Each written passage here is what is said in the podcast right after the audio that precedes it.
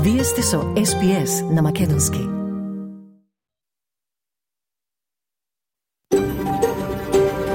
SBS, a world of difference. You're with SBS Macedonian on mobile, online, and on radio. Вие сте со SPS на Македонски на мобилен, преку интернет и на радио.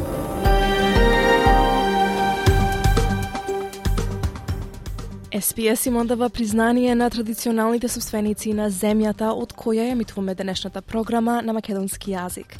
Народот Варанджери Вои Варанг, припадниците на нацијата Кулин и нивните минати и сегашни старешини. Добар ден, почитувани слушатели. Денеска среда, 9 август, со вас се Ана Коталеска и Маргарита Василева. Еве што имаме за ова издание на SPS на Македонски. По редовните вести од Австралија и светот следува извештајот од Македонија, во кој меѓу другото ќе слушнеме повеќе за тоа дека Македонија ќе испрати 100 војници на Арама во Словенија, како помош за надминување на последиците од поплавите во земјата. Од локалните теми ќе слушнеме за причините зошто повеќе австралици денес работат на повеќе од едно работно место, отколку кога било досега. И потоа ќе се осврнеме на најчестите граматички грешки и начинот на кој погрешно го користиме македонскиот јазик, во разговор со авторот Нове Младеновски од Мелбурн. Затоа останете со нас, следуваат на новите вести и колешката Маргарита Василева. Маргарита, микрофонот е твој. Благодарам, Ана. Во денешниот билтен, федералната влада се обидува да, ги- да ги зајакне правата на изнајмувачите. Возач на автобус обвинет за предизвикување со обраќај на несреќа во која 10 лица загинаа ќе се појави пред судот. И власта на Македонија објави манифест за преговорите со Европската Унија. ВМРО ОДПМН реагира, вели пропуштена е шансата за консенсус. Проследете, проследете ги најновите вести на SPS. Со вас е Маргарита Василева.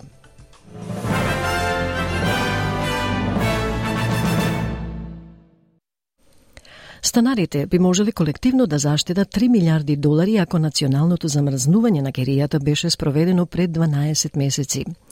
Анализата на парламентарната библиотека нарачана од партијата на Зелените покажува дека изнајмувачите би можеле да заштедат 4,9 милиарди долари во следните 12 месеци, доколку федералната влада сега го координира националното замрзнување на керијата. Зелените во моментов се во преговори со владата за усвојување на нацрт законот за идниот фонд за домување Australia Future Fund Bill и барат национално замрзнување на киријата. Премиерот Антони Албанезе ќе се состане со своите државни и територијални колеги во националниот кабинет на 16 август за да разговараат за зголемување на правата на изнајмувачите. Вршителот на должноста водач на Зелените, Мехрин Фаруки, вели дека податоците ја покажуваат потребата од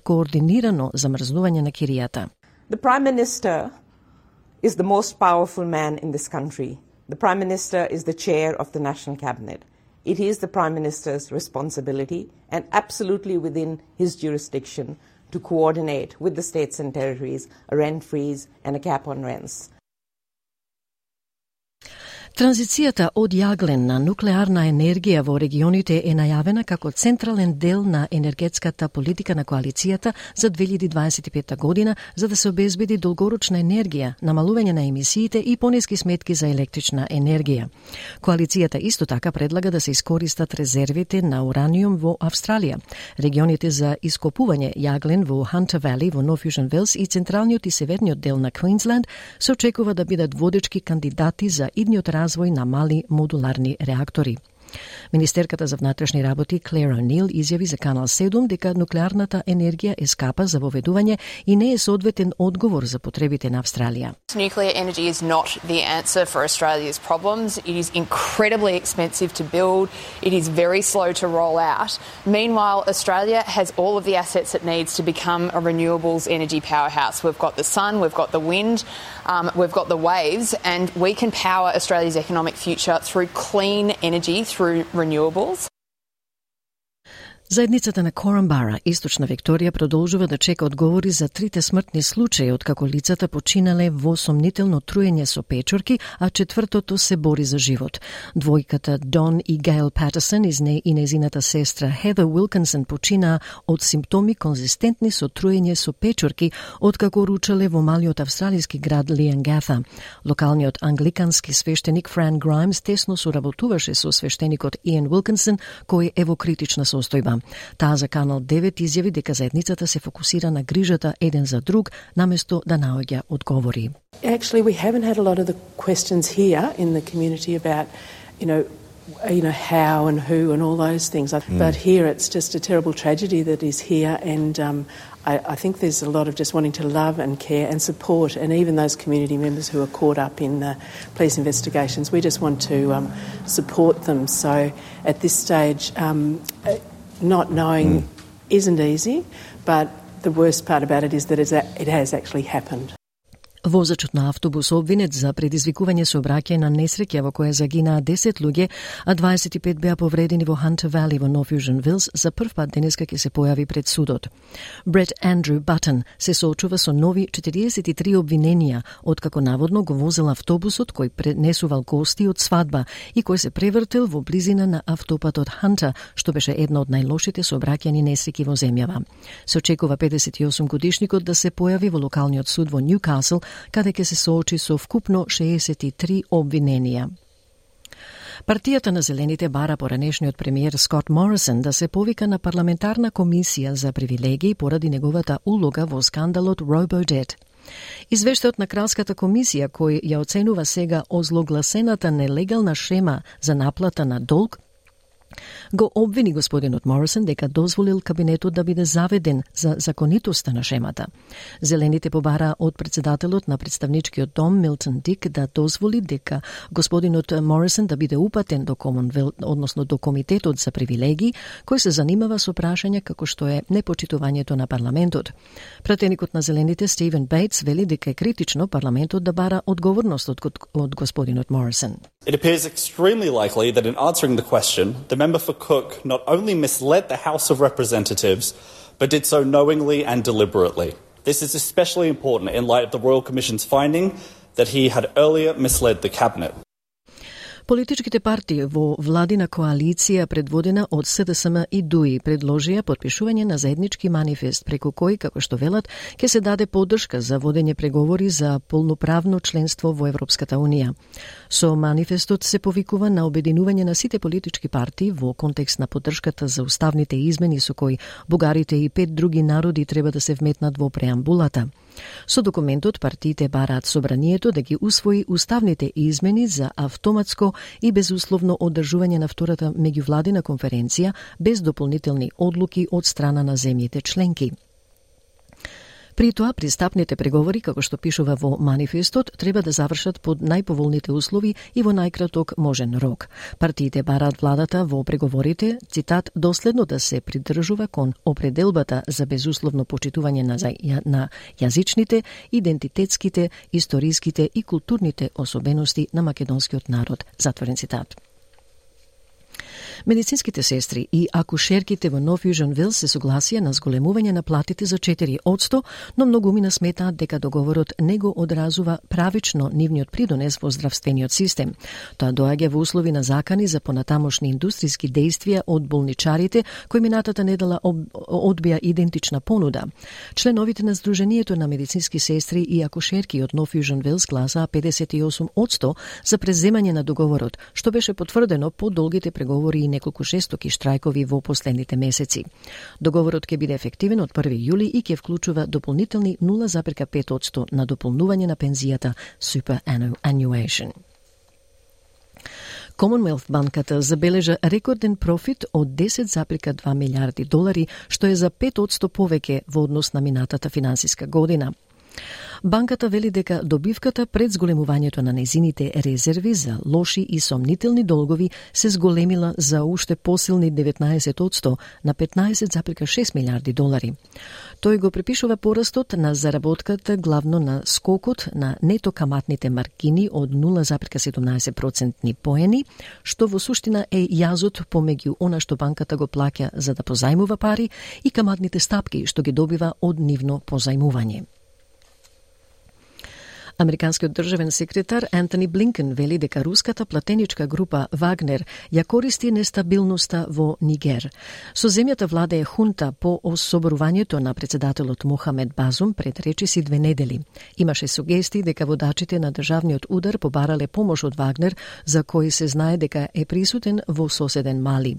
Господинот Блинкен за BBC изјави дека не мисли дека Русија или Вагнер го поттикнале државниот удар во Нигер, но САД се загрижени по поради тоа што групата најверојатно ќе се манифестира во делови од регионот Сахел. Астрономите велат дека светлосниот приказ над Мелбурн минатата ноќ на 7 август е најверојатно вселенски отпад што влегол во атмосферата.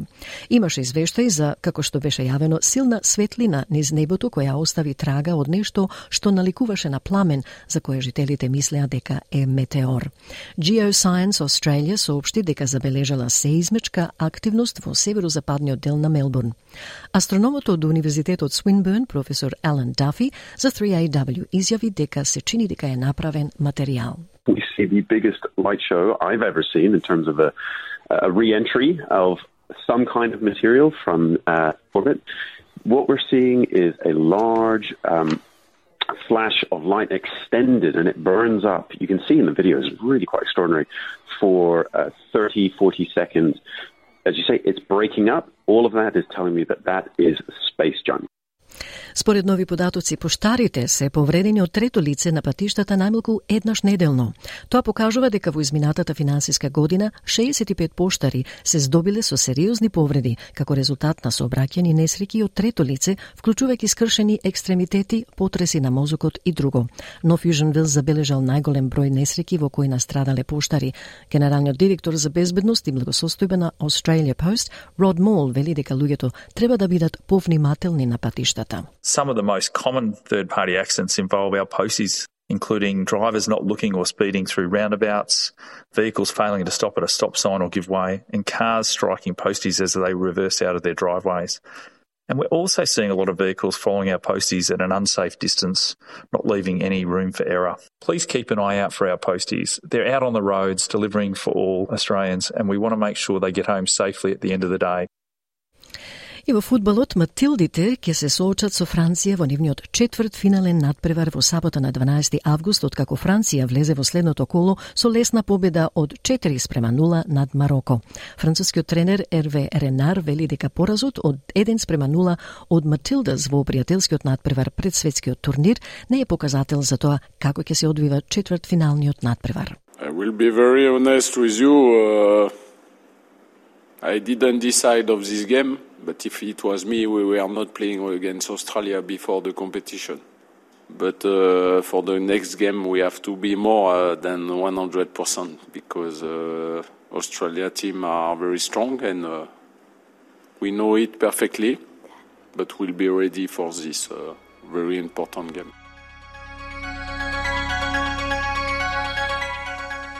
И од најновата курсна листа денеска еден австралијски долар се менува за 0,59 евра, за 0,65 американски долари и за 36,50 македонски денари. Додека еден американски долар се менува за 55,54 македонски денари, а еврото за 61,06 македонски денар.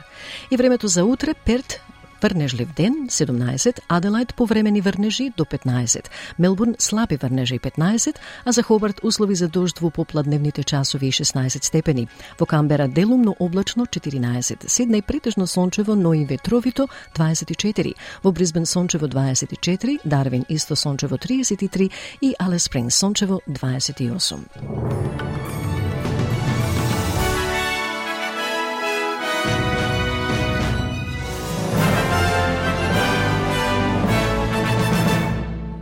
Благодарам Маргарита. Денешниот билтен вести на SPS со Маргарита Василева ќе биде достапен на нашите веб и Facebook страници подоцна во текот на денот, заедно со комплетната програма секој ден после емисијата. На SPS радио со вас до крајот на програмата останува Ана Коталеска.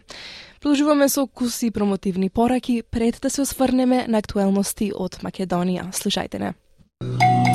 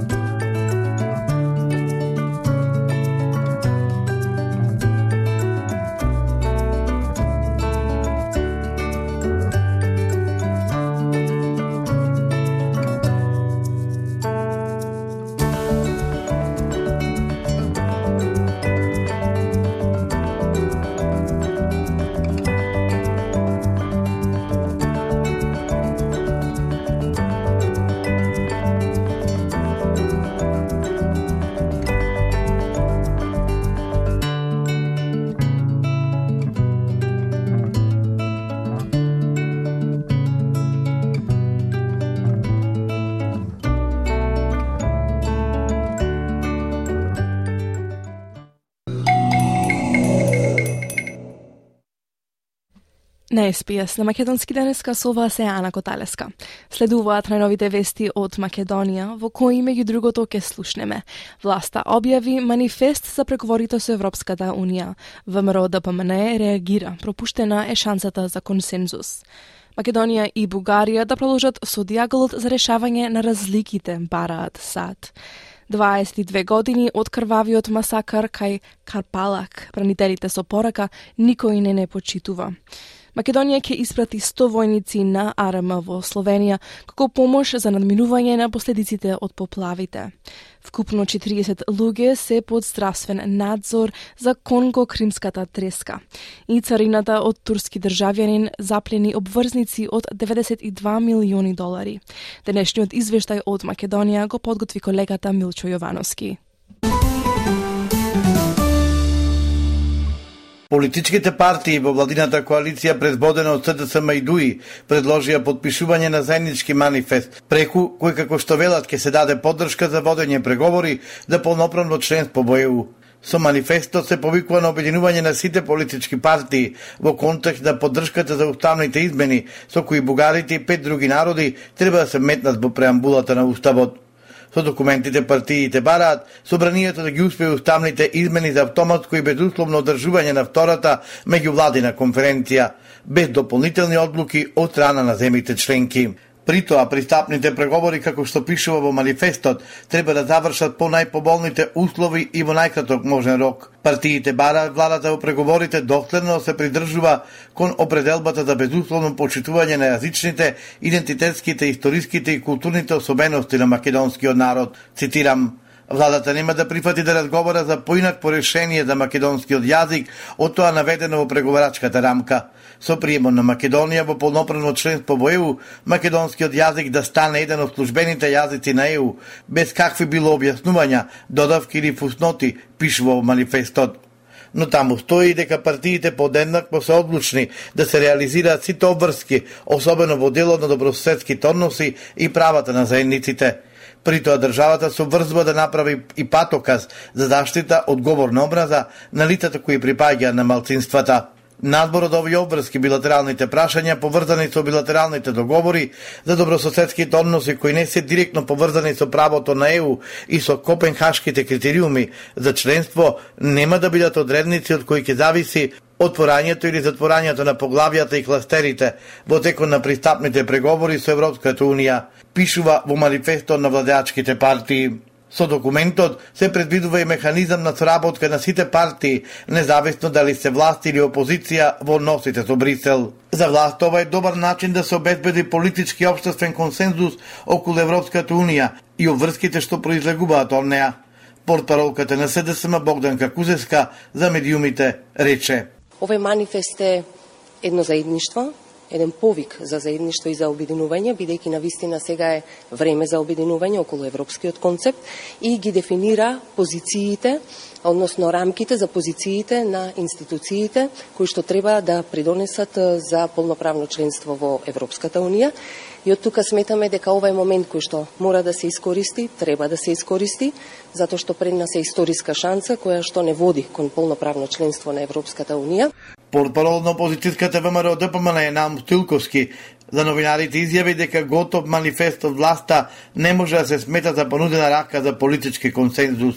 Со овој чекор, власт уште еднаш испушта можноста за консензус. Имено седнале Бујар Османи, Артан Груби, може би Бојан Маричич, напишале документ кој што го насловиле манифест и откако самите го дефинирале, го пуштаат во форма на сообштение преку сервисна служба на СДС до јавноста, со повик ВМРО да ДПМН да прифати веќе напишан документ.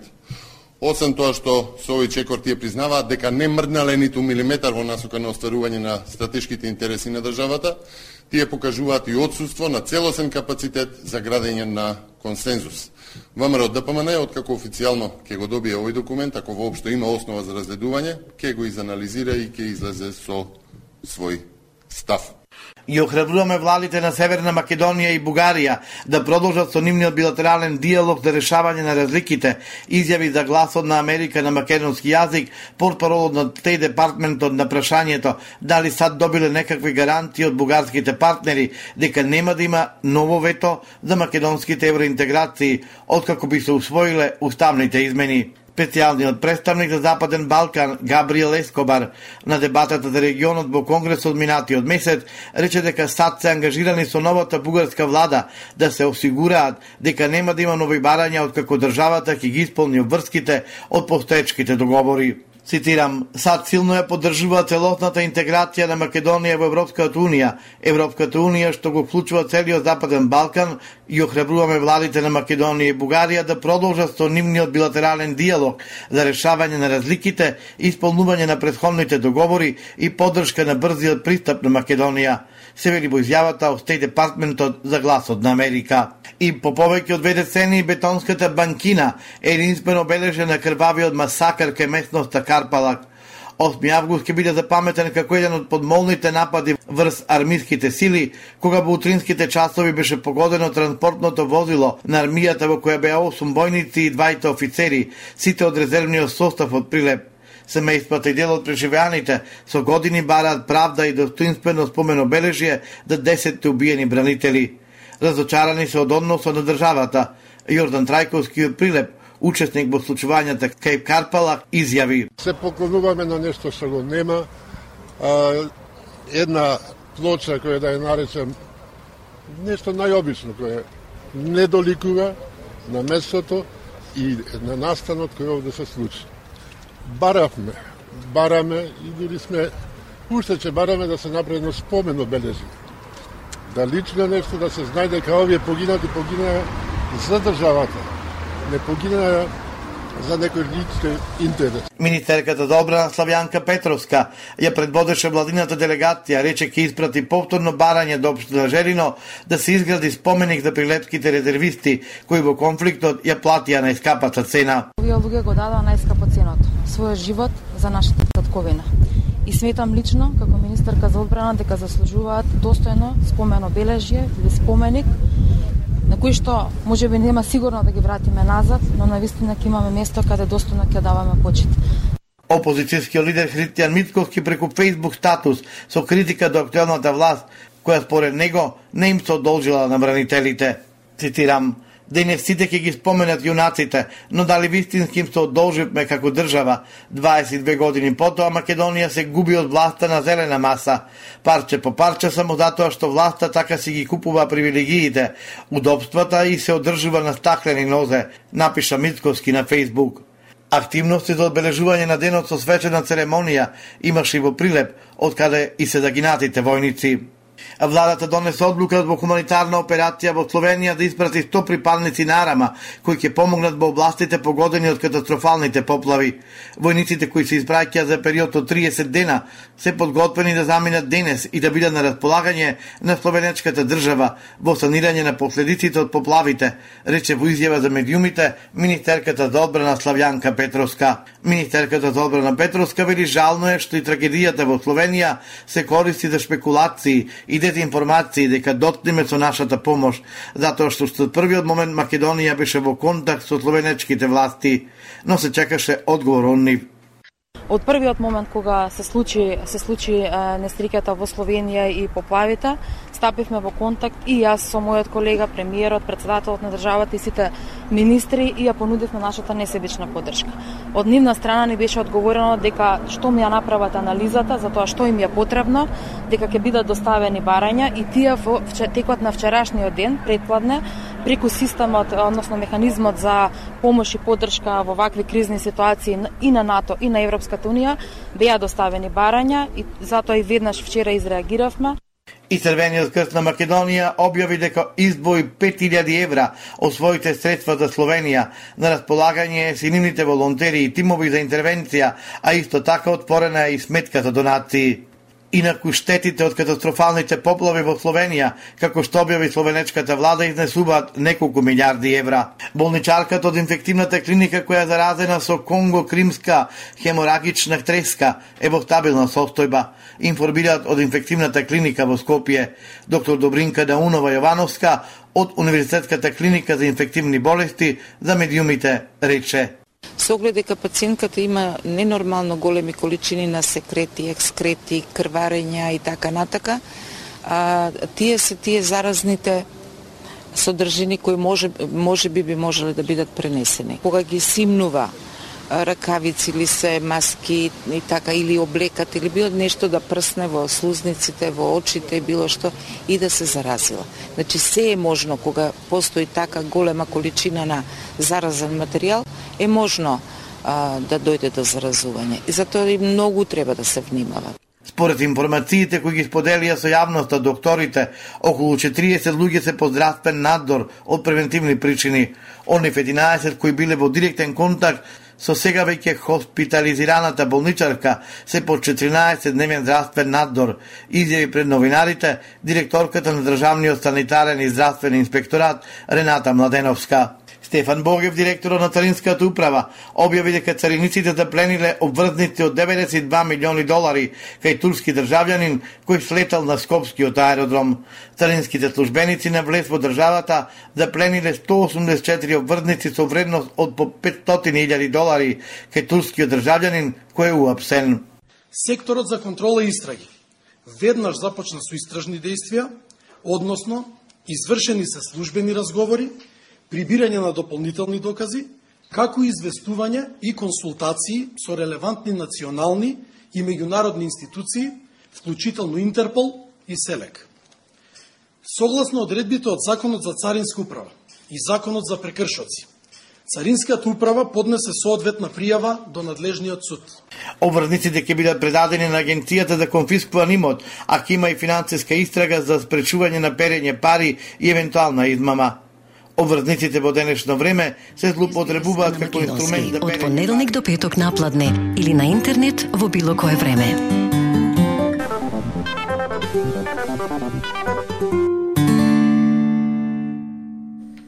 Од Македонија извести колегата Милчо Јовановски. Почитувани, пред да се осврнеме на останатите содржини, ве поканувам да ја посетите нашата Facebook страница SPS Macedonian или нашата веб страница sps.com.au косацртичка Macedonian. Таму ќе најдете новинарски содржини како интервјуа, анализи и прилози кои нашата редакција ги подготвува на теми кои се однесуваат или се во интерес на македонската заедница во Австралија, како што се македонска култура, спорт, музика, културно наследство, македонски јазик и слично. Останете со програмата на SPS на македонски продолжуваме со куси промотивни пораки пред да се осврнеме на домашни теми. Ја следите програмата на SPS на Македонски. Повеќе луѓе од кога било досега се вработени на повеќе од едно работно место, а се чини дека тоа се должи најмногу на кризата со трошоците за живот, според Австралиското биро за статистика. Од агенцијата проценуваат дека 947.000 работници работеле на повеќе од едно работно место во месец март. Експертите велат дека трошоците за стоки и платите ги принудуваат луѓето да работат повеќе за да си ги дозволат необходните потреби.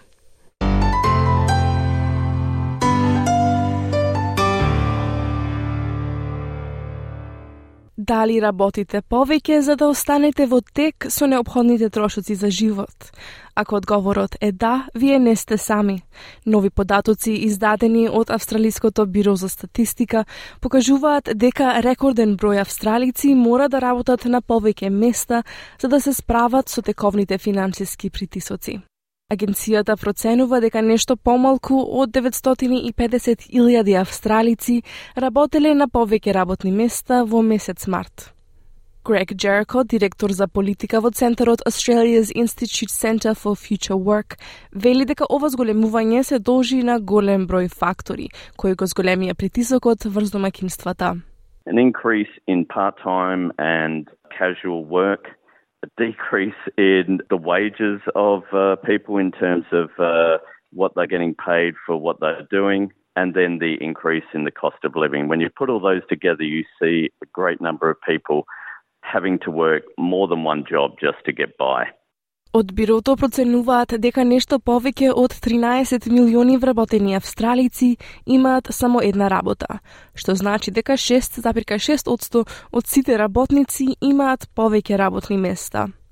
Пред пандемијата со COVID-19, процентот на работници кои работеа на повеќе работни места беше меѓу 5 до 6 проценти, но стапката остана повисока од декември 2021.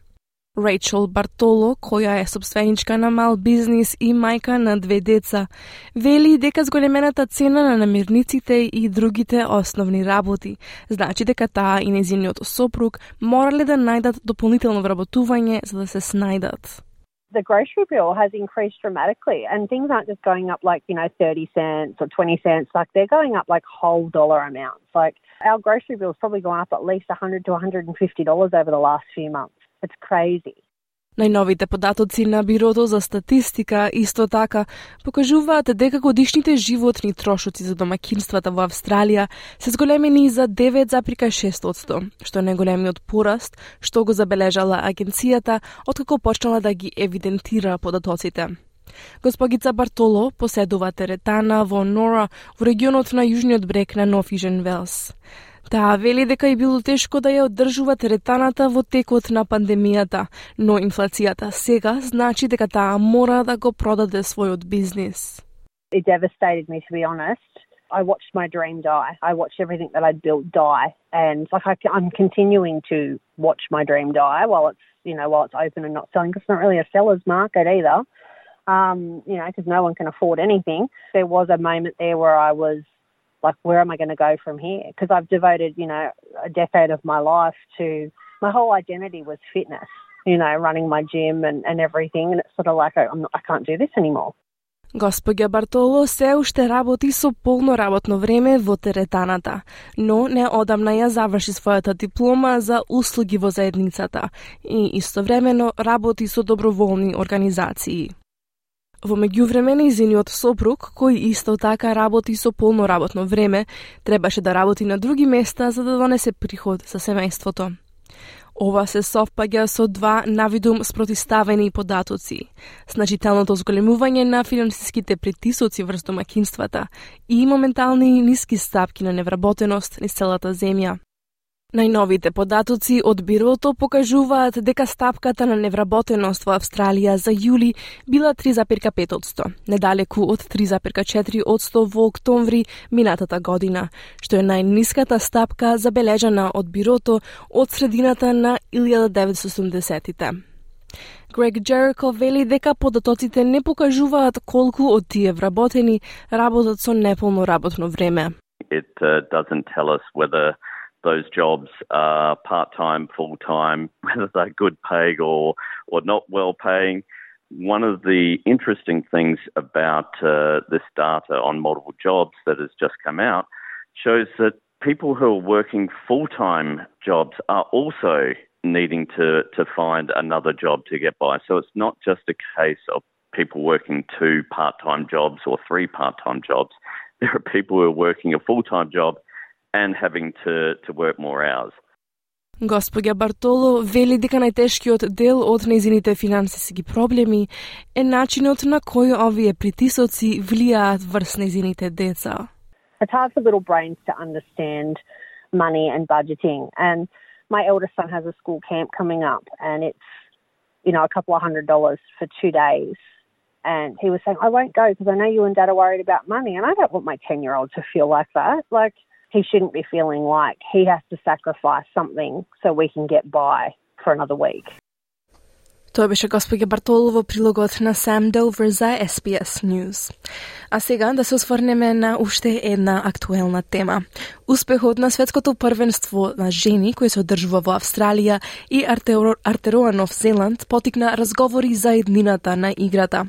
Телото Футбол Австралија очекува 43.000 фудбалерки да учествуваат во спортот до 2027 година, но застапниците велат дека треба да има подобро разбирање околу потребите на спортиските. Да слушнеме повеќе во прилогот на Биуакуани Алекс Анифантис за SBS News.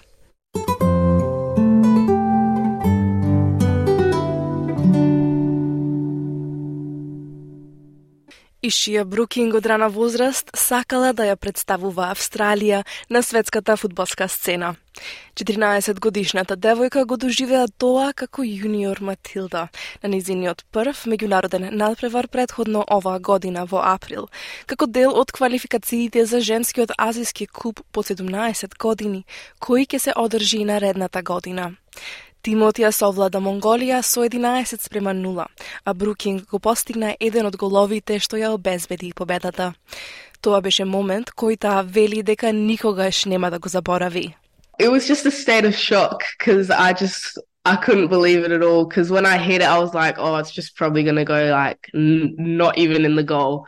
But, you know, it was just an incredible moment, you know, just watching all the photos back, the videos. It, it, it's just special, yeah. Брукинг веќе од 9 годишна возраст го оствари својот сон да стане професионална фудбалерка. Незината желба беше инспирирана од успехот на звездите на Матилдас, Сам Кер и Лиса Девана. Таа вели дека сите во Западна Австралија ја обожаваат Сам Кер, која потекнува од Перт. Um, I think it's incredible because they just it's just inspired us a lot. Like Lisa Devanna, she's local out here. She's always talking to us and like helping us like to see what our next step in our career is. Sam Kerr, definitely a big role model for us. Everyone here in WA just idolize her. Like it's it's incredible.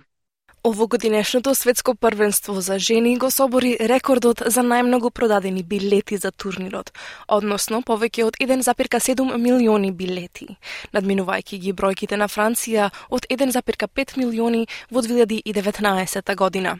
Светскиот клуб за жени се одржува по деветти пат, по инаугуративниот настан во Кина во 1991 година, на кој учествуваа 12 екипи. Ова година бројот на екипи се зголеми за 8 и учествуваа 32 земји. Авторката на книгата The Matilda Effect, доктор Фиона Крафорд, вели дека изненадувачките резултати значат дека женскиот фудбал се развива, а тоа е и повозбудливо за навивачите. The fact that we're seeing players now from what we would, you know, term quote unquote minnow countries uh, holding their own against some of those more senior or more experienced countries, that's a good sign because it's actually saying that women's football is developing and look, that makes it actually more exciting. И поранешниот селектор на македонската фудбалска репрезентација господинот Антон Дончевски во разговор со СПС на македонски зборуваше за квалитетот на тактиките и вештините на Матилдес. Сметам дека оваа репрезентација на Австралија, која и друга машка репрезентација да ми се спротивстави, многу тешко ќе мине со нас и резултатот ќе биде неизвестен. Доктор Крафорд вели дека приказната за подемот на женскиот фудбал во Австралија во текот на минатиот век е приказна за триумф наспроти шансите.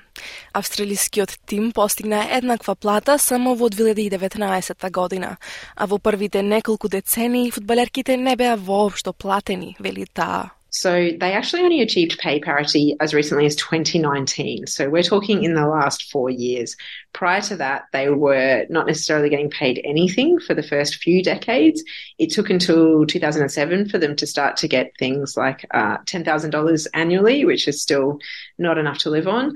They were still paying for their own laundry. They were still paying for their internet we know in 2020, uh, 2015, sorry, they actually even had to go on strike because although they were being paid about $22,000 a year, uh, that was actually comparable to being on Centrelink payments. So the success that they're seeing now is absolutely remarkable, but it's definitely been hard won and it's really been quite short lived. Како дел од планот наречен Legacy 23, управното тело Футбал Австралија постави цели да ја искористи можноста да биде домакин на светското првенство за да го унапреди женскиот футбал. Сојузната и државните влади издвојуваат над 375 милиони долари за проекти поврзани со наследството на женскиот фудбал. Една од целите е да се постигне родова еднаквост во однос на бројот на спортисти во спортот до 2027 година. Председателката на Women Outside, Carrie Harris, вели дека треба да се преземе акција сега да се осигура дека женскиот фудбал ќе биде поддржан по недоволното инвестирање во текот на последните децении. The only way to close some gaps is to overinvest in one side and maintain what you have in the other side. So, and I'd also like to bust the myth that by, you know, the pie gets bigger. The more people you bring into the pie, it gets bigger. It doesn't get smaller for the ones that are already there It actually gets bigger for everyone that gets included. 43.000 нови фудбалерки треба да се вклучат во спортот за да се постигне родова еднаквост во учеството од сегашните 26%. Телото исто така има за цел да осигура дека 60% од сите субликувални во Австралија ќе се погодни за жени. Доктор Крафорд вели дека ќе треба да се направи многу повеќе за да се создадат безбедни простории за жени во спортот во кои доминираат мажи. I'd really like to see in terms of legacy. I mean, there's a lot of talk about change rooms and yeah, the physical structures are definitely important. For me, it's the attitudinal change. I definitely want to see a real normalisation of girls and women playing and participating in football at all levels from the grassroots. Освен со облекувалните, застапниците бараат да се обрне повеќе внимание на начини со кои ќе се нормализираат женски лидери во спортот за да се намали стапката на напуштање. Истражувањата покажуваат дека учеството на жените во спортови во заедницата во Австралија опаѓа од 15 годишна возраст. Крис Марано ја започна групата Gaining Ground пред три години, за да ја забрза промената на културата во спортот со цел да привлече повеќе девојки и жени во менторски, тренерски и управни улоги. Фудбалерката која пристигна во Австралија од Канада во 2017 година вели дека забележала дека културата во која доминираат мажите како тренери и лидери значи дека има прекин на комуникацијата со женски играчи. But over time, we saw that type of traditional coaching communication, the sort of, you know, very tough, like, why are you kicking like that? Or why are you doing that? Or sort of sighing and throwing the hands down on the sidelines if they don't like something they're seeing from their players. Um, we started to see that again, and there was a group of us that wanted to have more positive communication. На СПС на македонски јас сум Ана Коталеска. Колку што има луѓе кои прават граматички грешки кога зборуваат или пишуваат, толку има и луѓе кои ги критикуваат првите. Но често и ние самите можеме да се најдеме во слични ситуации. Нашиот денешен соговорник има свој став околу правилни изрази на македонски јазик, но признава дека лесно е да се користат странски зборови кога човекот се наоѓа во странски средини. Познатиот писател Нове Младеновски од Мелбурн во денешниот разговор од нашата архива, дел од серијата наречена Граматички нацисти на колешката Маргарита Василева, објаснува што го засега кога станува збор за користењето на македонскиот јазик. Нови Младеновски, кои грешки што ги правиме во правописот, во секојдневниот говор, најмногу ви пречат? Прилично да кажем од мој аспект комплексен проблем, а комплексен е затоа што и, и е овде окружувањето за јазикот е комплексно, а и во Македонија исто така од кај што доаѓаме, така да на некој начин нашиот официјален јазик, негата кон него или нашиот однос и нашите слабости со употребата на јазикот се по мене лично гледано се прилично сложни. А, тој проблем или да кажем тој аспект ја би го поделил на два дела, еден е личен однос. Господин Младеновски, пред да преминеме на зошто и како, ке сакате да изнесете некои од примерите, некои конкретни примери што најмногу ви пречи? Па добро, најмногу ми пречи кога човек слуша, да кажем, радијава или овие кои ги чита вестниците, а се очекува една професионалност, една течен говор, да речеме, што без многу напор ви го презентира тоа што се чита и да ви го сврте вниманието.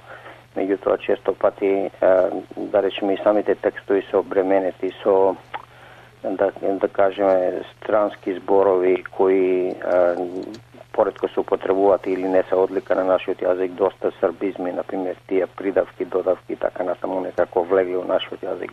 Турцизми тај да не ги, да ги игнорираме. Некои конкретни примери? А не, не сум размислувал, мислам, не можам сега... Mm -hmm. Затоа не сум ловел грешки, меѓутоа а, многу влегуваат и новинарите не обраќаат внимание, најверојатно нема време многу кога се Мислам дека слушнав пред малку рековте вајда. Ете, например. Добро. Ја би кажал за себе, а, знаете, реков комплексно е оти.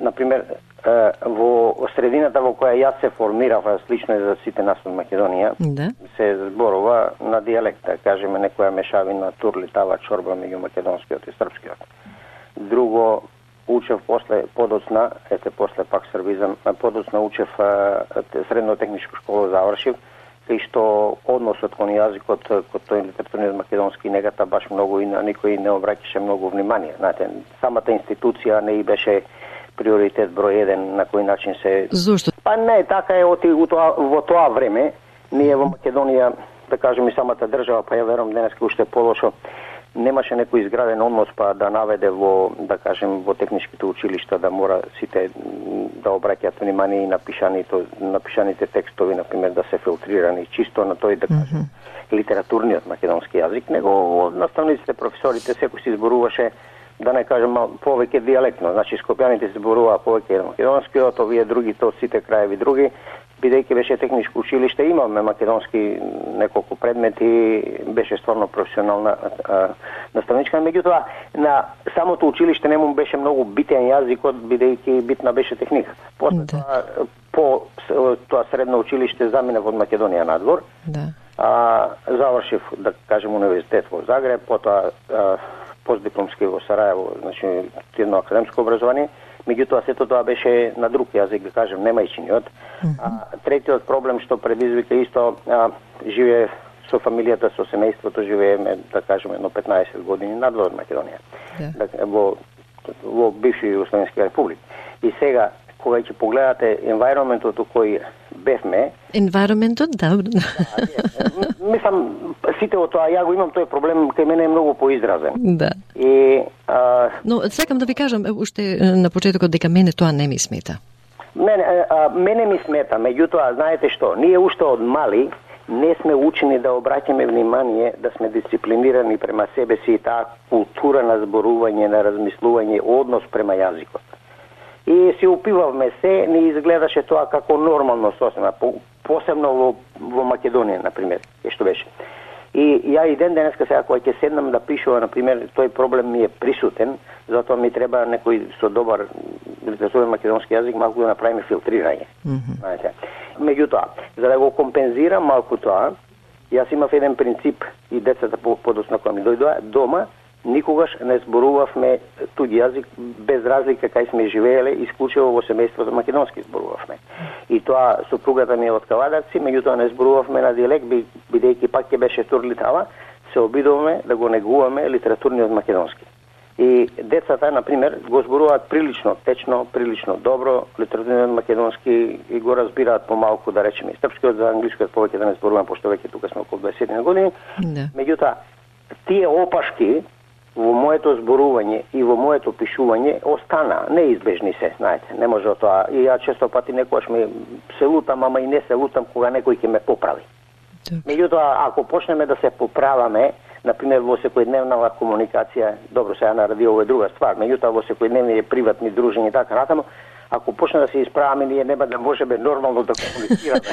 Ке пречи на самата комуникација. И треба да знаеме, јазикот е сепак на некој начин жива материја, ама од друга страна ние како народ, таа една компонента јазик, на пример јазик мора да офиш, официјално да кажем да си ја негуваме и да ја имаме, пошто јазикот е одлика на еден народ. Ако сакаме ако и, да останеме како македонци, ние мораме да го имаме тој кодиран македонски јазик стандардизиран, унифициран и мораме кон него да се одлесуваме доста сериозно и со почит, оти ако сите се вратиме на нашиве диалекти кои се настанати под влијание, да кажем, и на соседните народи во Македонија, а овде под влијание на англискиот, ние ќе го изгубиме тоа чувство за тој литературниот кодираниот наш јазик што не представува како држава. Кога велите ние како народ, имате една замисла дека ние сите мора да, да работиме на јазикот, но таков проект не постои, посебно надвор од, од Македонија. Го, го, би го спуштал тој проблем не мора туку на лично ниво, знаете овде. Mm -hmm. Ако во семејствата, еве, да речеме во Австралија тука, Јас си го задржав тој принцип и децата дојдоа тогаш релативно мали беа, не знам, керката имаше 10 години, ще помалку. Ние и овде и ден денеска во семејството внатре меѓу себе, значи во куќата која кој се помине портата, никогаш не зборуваме англиски. Не е дека може би не знаеме или дека едноставно за децава да привикнат на, на тој амбиент, на таа атмосфера на јазикот, за тој македонски јазик, ние си комуницираме исклучиво и ден денеска и меѓу себе на, на македонски. И дури не обраќаме внимание кои ни се гости. Меѓутоа, никој до сега нити ми се наутро због тоа имаме многу добро односи на пример со комшиве, со пријатели, со никој не ми се наутил, нити ми замерил зошто ја, например, во моето семејство со деца или меѓу себе си комуницираме на македонски. Ако на некој тоа му смета, значи не ми е велкам гостин. Разбирате? Mm -hmm. Англичаниве понекогаш да речеме Тоа беше авторот Нове Младеновски од Мелбурн во архивскиот разговор со колешката Маргарита Василева, кој и покрај тоа што има критики за тоа како се користи македонскиот јазик, признава дека и самиот тој се служи со странски изрази. А со тоа почитувани се приближуваме кон крај на ова издание на СПС на македонски, па да подсетиме на некои од главните настани на денот.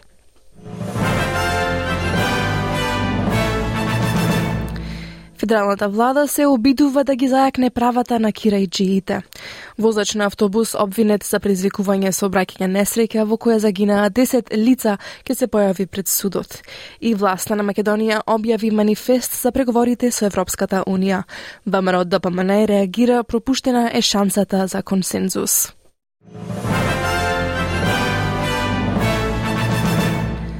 И тоа е се за денеска, почитувани слушатели. Ви благодарам за вашето внимание. Се обидовме да ве ставиме во тек со некои од најновите случувања во Австралија, Македонија и не светот. Доколку имате коментар, оставете порака на Facebook страницата. Ве очекуваме и утре во 12 часот со следната емисија на македонски јазик, а во меѓувреме за избор прилози, прилози разговори посетете на sps.com.au коса срдичка Macedonian. Од Ана Коталеска и Маргарита Василева, пријатно попладне и до слушање до утре.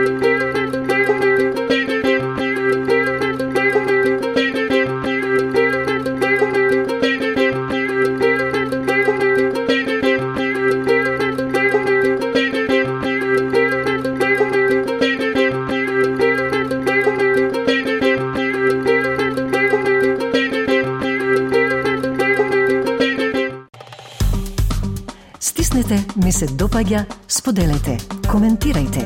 Следете ја SPS на Македонски на Facebook.